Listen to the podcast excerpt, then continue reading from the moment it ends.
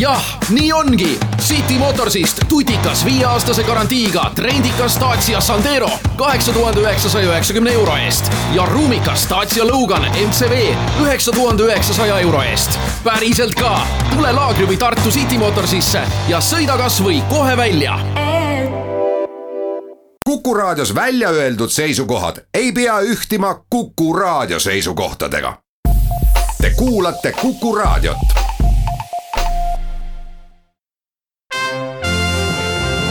Tallinna Filharmoonia esitleb Filharmooniline huvitaja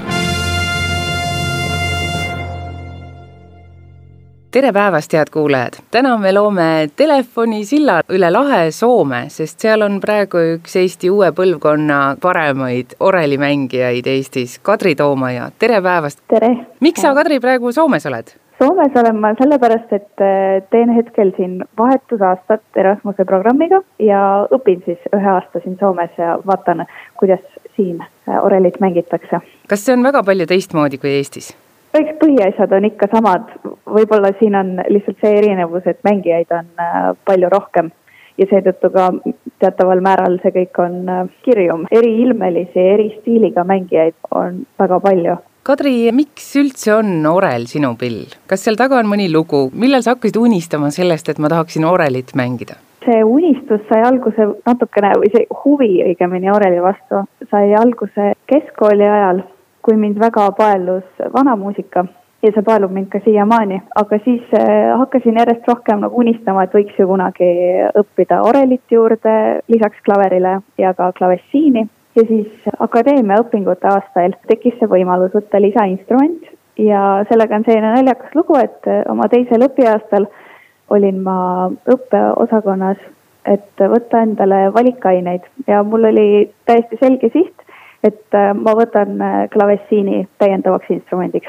ja vahetult enne seda, kui mina sinna õppeosakonna kabinetti sisse astusin, tuli sealt minu väga hea sõbranna välja ja jäime natuke arutama, et noh, et mis aineid siis ka võtad ja tema rääkis enda ainetest ma rääkisin talle vastu ja siis ta vastas mulle, et no kuule, et, et sa oled ju alati tahtnud ka orelit õppida. ta vist ütleski lihtsalt, et aga võta ikka orel, et, et mõtle, kui lahe saad ikka jalgadega ka mängida ja et, et see tundub nagu nii kohati hullumeelne pilv, et noh, et mitte hullumeelne, aga just see, et sa mängid jalgadega ka, et kuidagi nagu väga eriskummaline ei, ikka mulle tundub ma..., et see hullumeelne on täitsa hea sõna, et ta on ikka, tundub täiesti hullumeelne pill aga igal juhul jah, ma läksingi põhimõtteliselt kabineti uksest sisse ja ütlesin, et palun täiendavaks instrumendiks orel. et natuke niimoodi juhuslikult, kuigi aastaid olin ma juba tahtnud seda pilli õppida, aga ma ei saanud korraga võtta kahte täiendavat instrumenti, nii et seetõttu algus siis valik klavessiini kasuks ja siis minut enne otsustamist sai valitud orel. No ma usun, et sa ei ole kahetsenud kordagi. ei ole ja ma olen tegelikult jõudnud ka natuke klavessiini juurde õppida, et selles mõttes ei ole ka see unistus nii-öelda katki jäänud, et, et mõlemat äh, saan mängida kui keeruline siis on ikkagi tegelikult orelit mängida ja mis võib-olla kõige põnevam tema juures sinu jaoks on?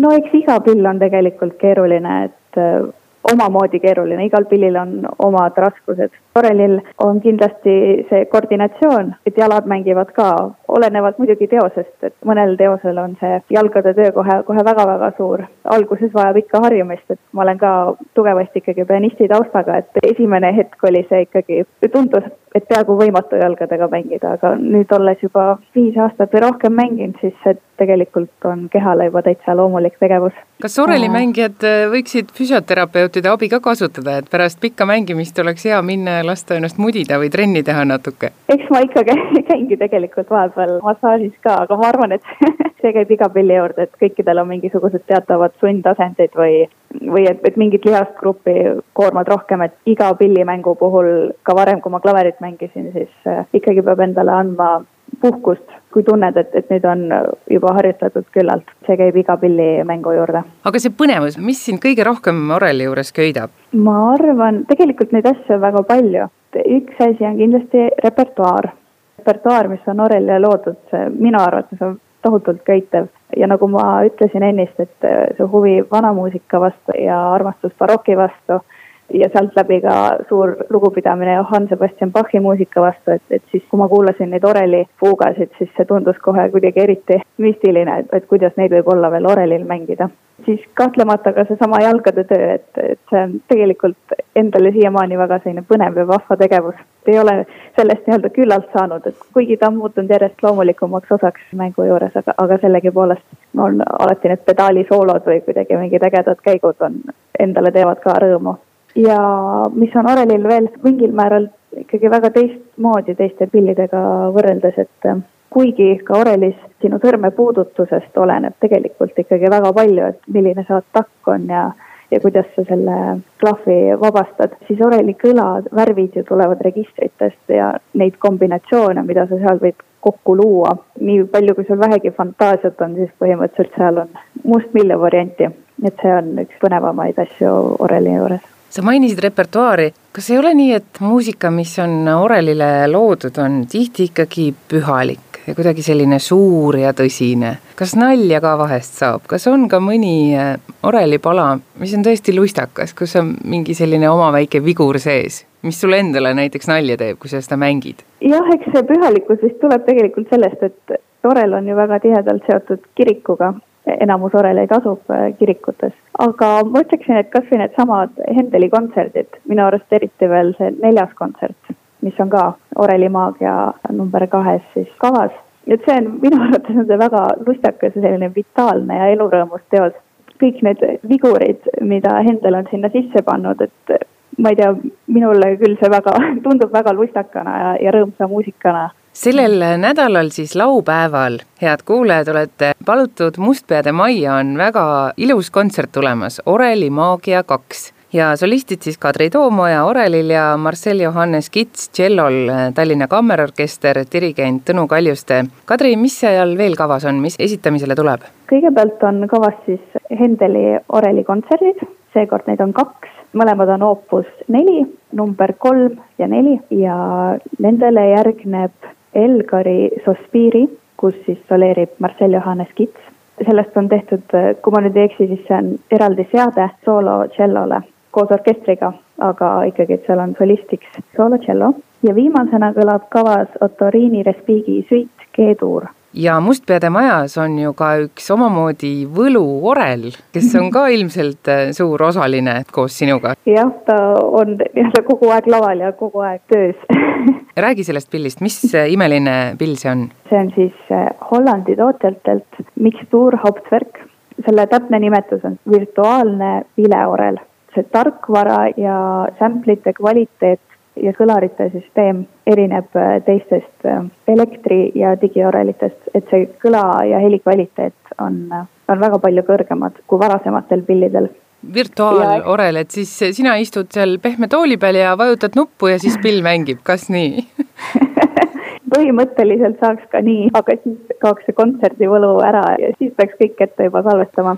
et kontserdil me ikkagi mängime kõike koha peal laivis nii-öelda, aga jah, ta on selles mõttes virtuaalne, et ei ole ju päris vilesid ja ei ole suurt orelit Mustpeade maja saalis ja ei ole mitut orelit, nii nagu meil kavas on barokkmuusika ja romantiline muusika, et siis me kasutame nendeks erinevaid sample sette erinevatelt orelitelt virtuaalsesse orelisse saab väga erinevaid pille sisse panna päris oled siis ainult sina seal, kas selline pill ei ole ikka natuke nagu, nagu südamestimulaator, et ta teeb ju oma tööd väga hästi ja, ja elu läheb edasi, aga ta ei ole ikka päris see, kas sa mängides ka tunnetad seda vahet? varasematel kogemustel elektri- ja digiorelitega on küll niisugune tunne, et see lihtsalt nagu ajab asja ära ja tegelikult nagu suurt rõõmu ei tunne sellest. Aga selle pilliga ma ei muretse selle pärast, et varem, kui on ikkagi öeldud, et, et sellel või teisel kontserdil on kasutuses elektriorel, siis see on alati selline väga suur tagasilöök olnud ja noh. natuke läheb tuju ära. just, et mingil määral läheb ikkagi tuju väga ära, aga tõesti selle virtuaalse pilli puhul ikkagi tegemist on tohutult kaugele arenenud arvuti ja, ja helisüsteemiga, aga ta teeb seda juba niivõrd päris orelile läheduselt, et äh, tal on väga-väga head võimalused ja kui sul on korralik äh, helisüsteem, hea helimees ja inimesed, kes nii-öelda aitavad selle pilli sinna ruumi installeerida, siis ta teeb väga-väga head ja kvaliteetset häält. No hea helimees on kindlasti olemas selle kontserdi juures. jaa, on küll. Et sellepärast ei pea ka muretsema igatahes siis seda põnevat virtuaalorelit saab kuulata Kadri Toomajaga koos sel laupäeval Mustpeade majas õhtul kell seitse. Kadri, kuidas sulle tundub, kas Eestis on orelimuusika praegu populaarne või kui väga armastatakse orelikontserditel käia, kuidas sulle tundub mängijana? nii palju, kui ma olen ise kuulamas ja mängimas käinud, siis tegelikult rahvast ikkagi on eriti muidugi Tallinnas ja vanalinnas, aga seal on ka kindlasti teatav osa turistidel. Aga mulle ka ikkagi näib, et pigem on see mingi kindel publik võib-olla, kes äh, teab tulla ja keda huvitab äh, orelimuusika.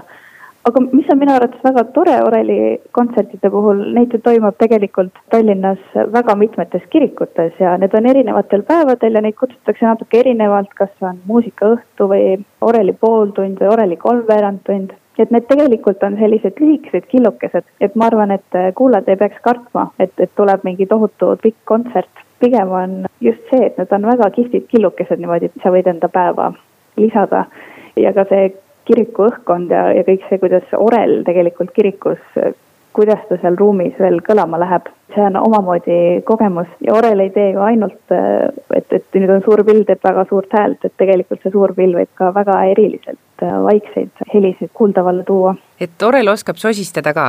Oskab oskab sosistada. advendiaeg on tulemas ja kindlasti, nagu sa ka varem mainisid, siis see kuidagi käib ka kokku võib-olla selle jõulurahu otsimisega, just nimelt võtta endale päevast see hetk ja pool tundi ja korraks minna ja ja kuulata. aga igal juhul siis äh, sellel laupäeval, head kuulajad, olete Mustpeade majas õhtul kell seitse oodatud Oreli maagia kaks ja virtuaalorelil siis Kadri Toomaja. ma väga tänan sind, ma loodan, et tuleb ilus kontsert ja ma soovin sulle edu su Soome õpingutel. ilusat päeva jätku, kõike head! kõike head! Tallinna Filharmoonia esitleb Filharmooniline huvitaja